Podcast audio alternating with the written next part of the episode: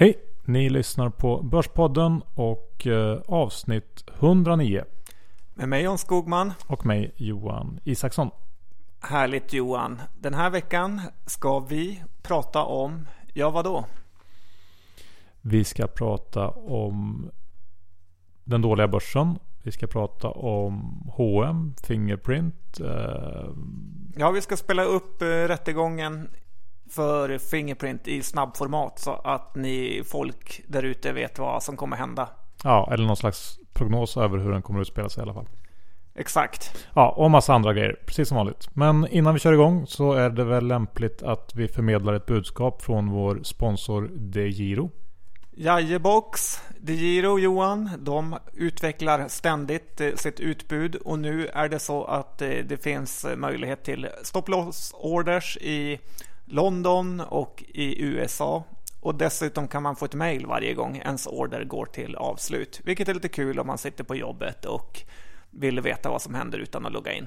Ja, och rätt så behändigt i tider som dessa när börsen rasar. Ja, och eh, sen kan man handla CFD som gör att du slipper stämpelskatter. Kommer du runt det på ett smart sätt också? Allt har de tänkt på. Men hur ser din portfölj på DeGiro ut nu då? Just nu har jag gjort några roliga saker. Jag har gett mig in i Volkswagen-härvan och tankat lite. Och jag har försökt replikera Didner och Gerges microcap-fond, deras eh, innehav som finns jorden runt. Okej, okay, och hur eh, har det gått? Ja, det har gått eh, bra. Likviditeten är inte fantastisk i pojkarnas fond, men desto roligare är bolagen och fonden går ju som ett skott. Så att nu hoppas även min Diro-portfölj börjar gå. Ja, det, det är inte alls omöjligt. Vi får återkomma till det John. Men eh, nu kör vi igång.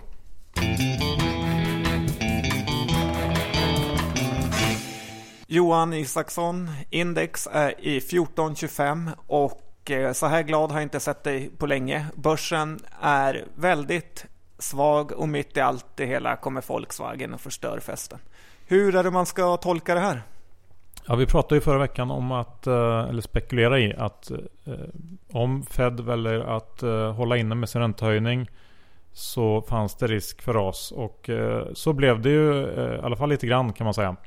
Nu har vi haft en riktigt svag vecka som sist och jag tycker det känns lite grann som den här positiva känslan på börsen, den här positiva feedback-loopen som man brukar prata om, att den är bruten nu. Ehm, det har inte gått att buy the dip den här gången för vi har inte studsat upp utan nu känns det väl som att vi är på väg ner igen och ska testa de här lägsta nivåerna som vi hade i början på augusti eller mitten på augusti kring 1400 och eh, jag tror att det finns en ganska stor risk att vi bryter igenom där. Så får vi se vart det tar vägen sen. Men eh, det här med um, att man har brutit eh, den här positiva feedback-loopen tycker jag man märker även i media att fokuset börjar skifta eh, från hur bra börsen går och vilka bolag och aktier man ska köpa så tittar man nu mycket på det som är negativt. Kina såklart. Eh, Brasilien som havererar och ja, allt som är negativt blåser man upp nu istället för eh, tvärtom tidigare. Ja, det har man eh, verkligen märkt hur mycket negativitet det är där ute. Men sen har vi ju skuldtaket med som börjar närma sig och det har vi inte ens börjat prata om. Nej, det där är väl en liten bubblare här under hösten att eh, någon gång under eh, årets sista månader här så kommer väl pengarna ta slut och då måste man höja det här skuldtaket igen. Och, I eh, USA då? Exakt. Och då finns det ju alltid en risk för att vi får eh, ett nytt eh, skuldtaksbråk och ett haveri där. Och det vore väl inte så jättebra heller för, för världens börser i dagsläget. Och sen har ju Hillary varit ute. Hillary ja, Clinton. Hon twittrade här för två dagar sedan att eh, hon ska sätta stopp för dyra läkemedelspriser. Och hon tycker att de har gått upp alldeles för mycket. Det här eh, fick ju hela sektorn i USA att falla på bred front. Eh, biotech-index på Nasdaq tappade drygt 3% och fortsatte sen ner igår. Eh, och jag, jag tackar och tog emot John. Jag har, ju varit kort den här Nasdaq Biotech ETFen. Och tog faktiskt in den kortningen igår kväll. Får se om det kanske var för tidigt. Men jag var så trött på den så att um, Fortfarande en enorm bubbla enligt min mening dock. Så det kanske var för tidigt, jag vet inte. All right, trist att Hillary gör sig skyldig till marknadsmanipulation. Men det får väl gå. Sen har vi haft eh, det här med Carmageddon, Johan. Precis John, du syftar på Volkswagens enorma härva. Ja, vad är det de har gjort egentligen? Ja, alla känner väl till det här nu, men i korta ordalag kan man väl säga att de har fuskat med eh Eh, hur deras bilar eh, fungerar vid tester när man mäter utsläpp och så vidare. Så att de eh, har i själva verket varit mycket sämre än vad de verkar vara. Och det här har ju då fått aktien att rasa 30, 35% ner på fem dagar John. Är det läge att gå in nu? Ja, om du frågar mig så tror jag faktiskt att det är det. Det här påminner väldigt mycket om Merck 2004 och BP 2010. Då Vioxx drogs in för Merck så kraschade bolaget ungefär 50% på några dagar. Det var samma snack då. Det var stämningar, det är konkurs, nyemission. Journalisterna försöker slå varandra i hur dåligt det är. Man måste komma ihåg att det är inte några böter som har dömts ut stämningar med mera kommer ta liksom flera år innan det ska börja betalas av på det. Fortfarande betalar ju storbankerna i USA på finanskrisen böterna. Och i grunden så kommer nog Volkswagen att finnas kvar. Kanske blir det en nyemission, men då kommer det vara en snabb riktad till Warren eller kanske Abu Dhabi. Men att bolaget ska konka låter helt omöjligt i min bok. Det finns massor av tillgångar att sälja i Volkswagen, till exempel Scania, så jag sätter köp på 1 till 2 sikt. Spännande, spännande. Men kanske ingenting man måste springa in i, eller? Nej, den här kan man snitta ner sig ända vägen ner till noll om det skulle vara fallet. Bra John, och nu vänder jag mig till Börspoddens eh, inrikespolitiska expert John Skogman. Vad eh, tycker du om budgeten? Ja Johan, det är ju så att man knappt orkar läsa om utspelen från de andra partierna när man sett House of Cards. Man vet att det spelar ingen roll vad det regerande partiet kommer med så kommer alla att slåss om att eh, få vara negativ och spela tuff. Någon journalist skrev att budgeten är skadlig för Sverige och så vidare. Och jag tycker sånt är pinsamt. Sverige är världens bästa land och om man höjer lite här och sänker lite där så spelar det inte så stor roll. Att Günther Mårner får lite mindre pengar att köpa aktier för och att en single mom får lite mer pengar att köpa kläder och lördagsgodis för tycker jag är rätt. Och dessutom, om man inte kan driva företag i Sverige för reglerna så är det inte regeringens fel utan det är fel på din egen affärsidé. Here, here. Tack för att du håller med mig Johan. Men sen har du kollat en liten channel check som du brukar säga i industrin. Och hur ser det ut där? Det stämmer John. Jag har tagit tempen på västkusttraden Eh, Anders Fogelberg som ju är en frekvent gäst här i podden. Han är ju förutom börsaktör även eh, verkstadskille som driver ett verkstadsbolag. Så att jag kollade med honom för att höra hur illa ställt det är egentligen bakom de här negativa rubrikerna. Och eh, Anders menar att eh, börsen kanske spelar en större roll nu än 2008. Eh, han menar att eftersom det är så enkelt att titta eh, hur allting går med ett knapptryck så ser man alla siffror runt om i jorden. Uh, och alla har koll på allting hela tiden. Det blir ryckigt tycker han och han tycker att det märks då i, eh, i företagen och hur det påverkar beslut och även psykologin där ute. Uh, hans känsla just nu är att kunderna avvaktar, drar på besluten. Det verkar även vara svårare att få pengar till uh, den typen av investeringar som Anders håller på med. Så sammanfattningsvis så menar han att det inte har kommit igång efter sommaren och ehm, ja, det låter väl eh, lite halvkärvt kan man säga. Ja, verkligen. Och eh, hur det här med marknadsvolatiliteten påverkar alla. Till och med Janet Yellen vågar inte höja räntan på grund av market volatility.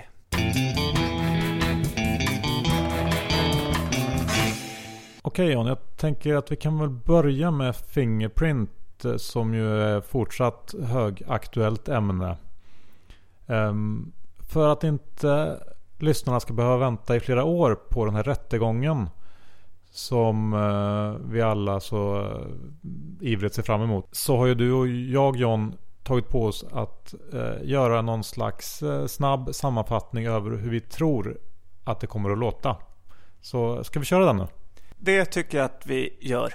Och vi börjar med åklagarens sakframställan. Och för att det ska bli tydligt för alla här så du John, du är åklagaren. Hamilton då antar jag? Precis, jag är Pontus Hamilton och du heter Johan och eh, Johan Karlström. Ja, mm, bra. Men jag kommer inte köra med någon typ av dialekt utan bara min vanliga röst. Precis. Eh, åklagarens sakframställan. Vilket då betyder att åklagaren lägger fram sina anklagelser. Johan Karlström har genom sin position i företaget utnyttjat detta för sin egen vinning genom att köpa så kallade turbovaranter inför stora nyheter och därigenom tjänat miljontals kronor på information som inte varit känd på marknaden. Faktorer som gör det särskilt uppenbart att han velat dölja dessa affärer är att han har handlat via kapitalförsäkringar som inte behöver redovisas samt det faktum att han har handlat med turbovaranter med hävstång för att maximera sin vinst. Och nu kommer försvarets sakframställan där Johan Karlströms advokat beskriver vad som har hänt. Johan Karlström har byggt upp ett jättefint företag men som genom den svenska avundsjukan blivit utsatt för en juridisk och medial kupp. Johan Karlström medger att han köpt dessa varanter men det är för att han varit långsiktig ägare och emellanåt velat justera sina positioner. Att han handlat via kapitalförsäkring är inget konstigt då reglerna är glasklara. Man får inte ens rapportera sina affärer då man handlar via kapitalförsäkring eftersom det är försäkringsbolaget som äger aktierna. I ett företag som Fingerprint kommer det ordrar hela tiden och hur marknaden rör sig på dessa är helt oförutsägbart. Så, då är det förhöret med Johan Karlström. Ja. Jag är alltså Pontus Hamilton. Men Johan, säg mig, varför handlar du i dessa varanter? Ja, det är för att justera min position. Ibland köper jag och ibland säljer jag. Och då råkade det bli just innan stora orders som gjorde att du tjänade flera miljoner. Alltså jag har handlat i Fingerprint-aktier många gånger. Och i många fall har jag faktiskt förlorat pengar också. Men du har bara tagit upp de tillfällen där jag tjänat pengar. Men Johan, varför handlar du bara genom kapitalförsäkring? Så att du inte behöver regga dina insiderköp? Ja, det var ett sånt konto som jag hade och eh, jag följer bara reglerna. Men varför just turbovaranter? Det måste du väl själv förstå att det är konstigt? Nej men titta på eh, Scanias ledning. De köpte massor av optioner innan eh, uppköpet och det tyckte ingen var konstigt. Där avslutas rättegången efter dag 11 som ni just fick på fem minuter. Och för att ni där ute ska få spela rollen som nämndemän så finns det en omröstning på Börspoddens hemsida där man får rösta på om man tror att Johan Karlströmer kommer att fällas eller inte med tanke på det vi just nu har spelat upp. Precis, gå in på börspodden.se och klicka i ert svar så får vi se vad folket tror eller tycker.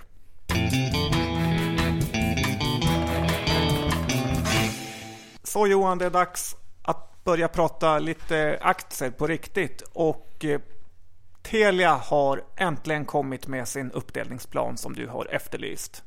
Ja, precis John. Vi var ju inne lite grann på det här innan sommaren att uh, det ryktades om att det kanske var på gång en uppdelning av Telia och då ett bra, good Telia och ett bad Telia med då de här tillgångarna som man eh, är lite rädd för.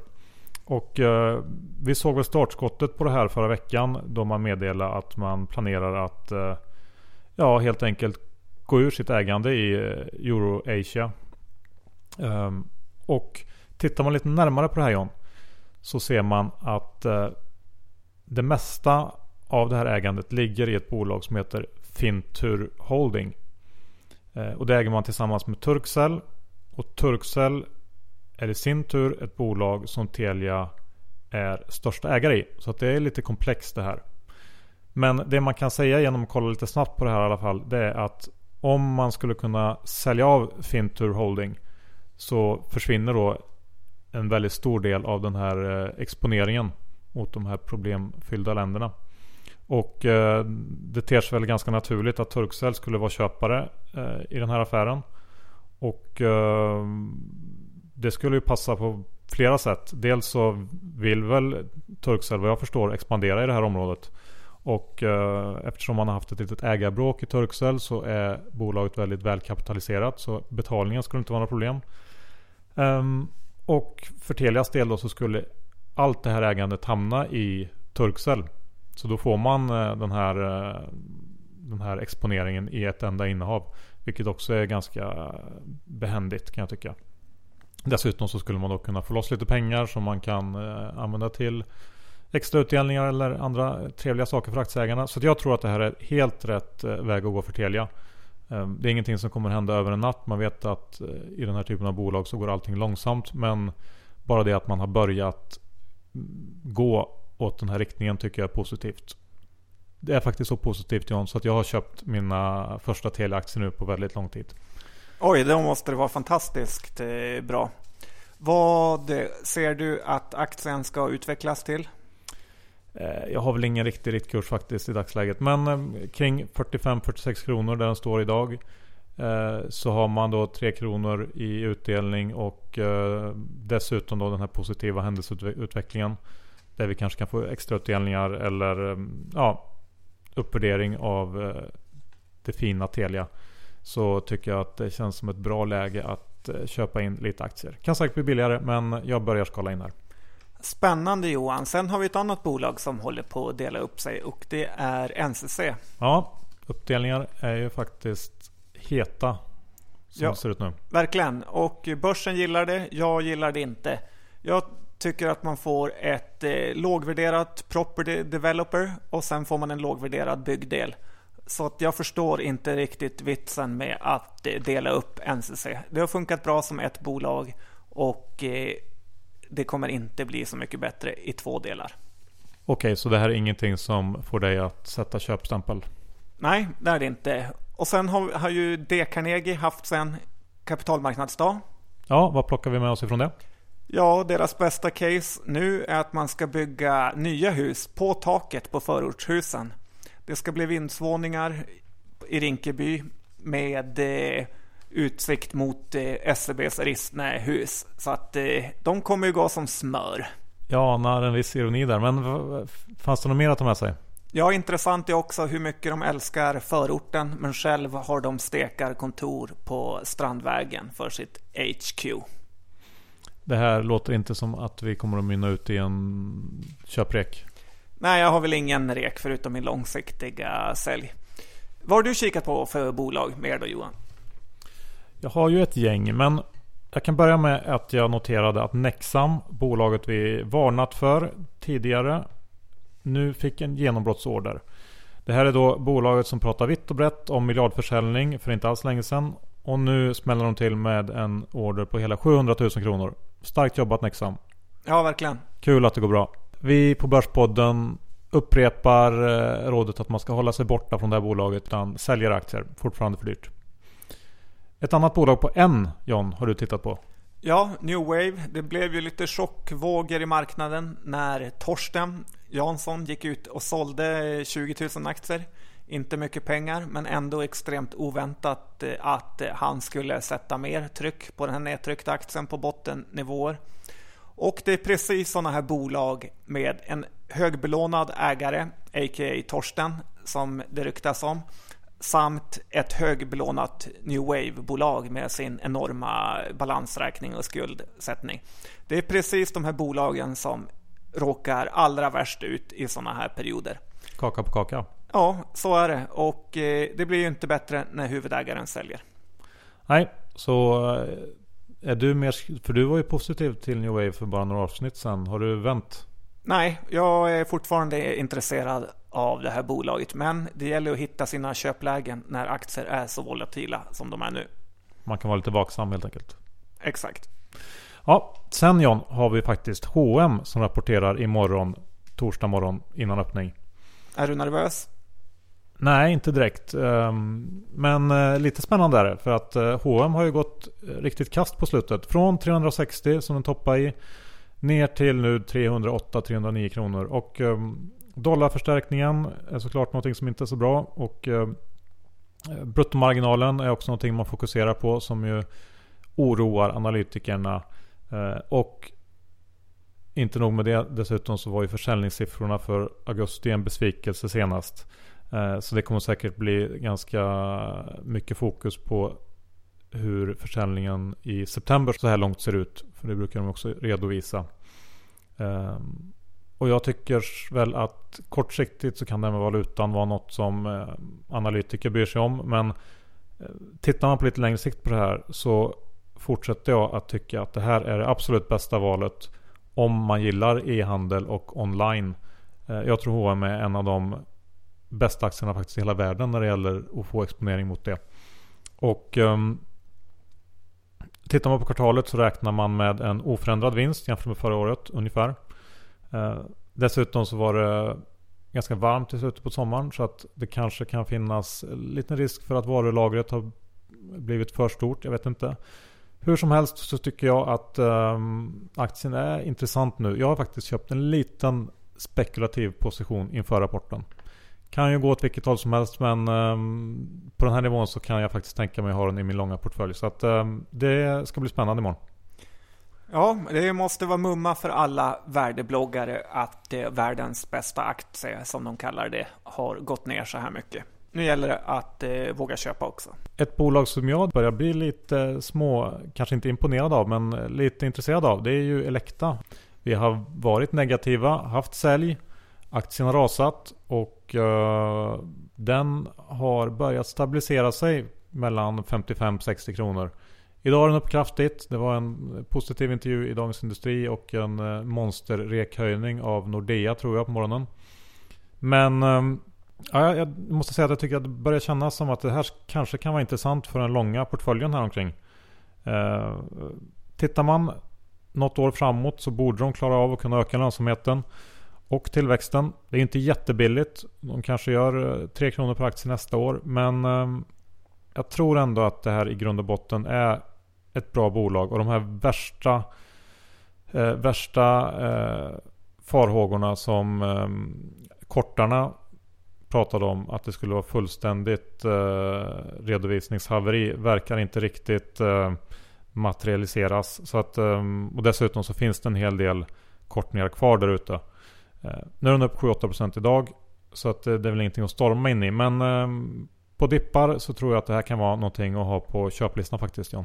Ja, det var ju någon som viskade i vårt öra att eh, Elekta skulle passa perfekt i Philips nysatsning inom medtech. Så vem vet, allt kan hända. Så är det. John, avslutningsvis så har du tittat på den här nya typen av finansbolag som letat sig in på börsen. Det är Nordax, Collector, Hoist och allt vad de heter. Vad har du att säga? Ja, det här är ju ingen uthållig affärsidé i min bok. Att eh, bolagen får låna typ gratis med insättningsgarantin i bakgrund och sen låna ut pengar till 7, 8, 10, 15 procent i ränta. Det här är ett klassiskt ta från de fattiga, ge till de rika och jag tror inte det här med insättningsgaranti kan hålla på i evigheter för att jag ser inte logiken med att de här bolagen förtjänar det. Så jag tillhör inte den skaran som är så positiv till de här bolagen. det låter ju mer som att du är negativ. Ja, helt rätt.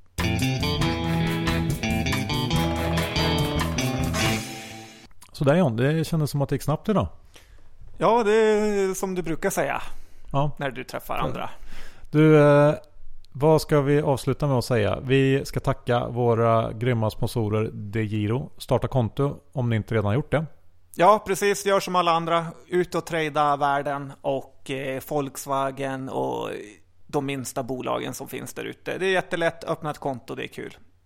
Precis, och eh, jag vet inte om alla där ute känner till våran eh, kortpodd vi har med veckans affärer varje vecka, veckans aktie. Med tanke på hur Fingerprint gick så tror jag det. Ja, ni som inte har koll på den, se till att ha koll på den i alla fall. Kommer ut varje torsdag och det är bara att signa upp sig på Acast tror jag enklast. Dessutom så, ja, bokklubben lever och frodas. Vill ni vara med i den så gå in på vår hemsida och anmäl er. Kostar ingenting. Det är bara tips som kommer en gång i månaden. Inga konstigheter. Nej, nästa månad kommer vara en helt fantastisk månad då vi har lanserat månadens gäst som ännu är hemlig, men det kommer vara en kioskvältare. Ja, skulle tro det. Och som vanligt Fondpodden som kommer ut varannan vecka. Den får man inte missa. Nu tror jag att vi har eh, pushat för nog grejer. Vi... eh, Gmail, Twitter, Facebook. Ja, precis. Och Jan, vi glömde disclaimern. Ja, det gjorde vi. Tur att vi inte hann stänga av inspelningen. Nej, väldigt tur. Jag äger ju faktiskt två av aktierna vi har pratat om idag. Första gången sedan vi började med disclaimer. H&M och Telia äger jag. Jag äger lite Volkswagen och då pratar vi lite. Och sen äger jag Hur lite? fruktansvärt lite. Pinsamt lite nästan. Ja, pinsamt lite. Ja. Eh, sen äger jag även lite Telia som du har lurat in mig i. Så det kanske kommer en nota till dig. Och sen tror jag inte att det var något mer faktiskt. Ja men vad bra. Då har vi det också. Tack och hej. Hej.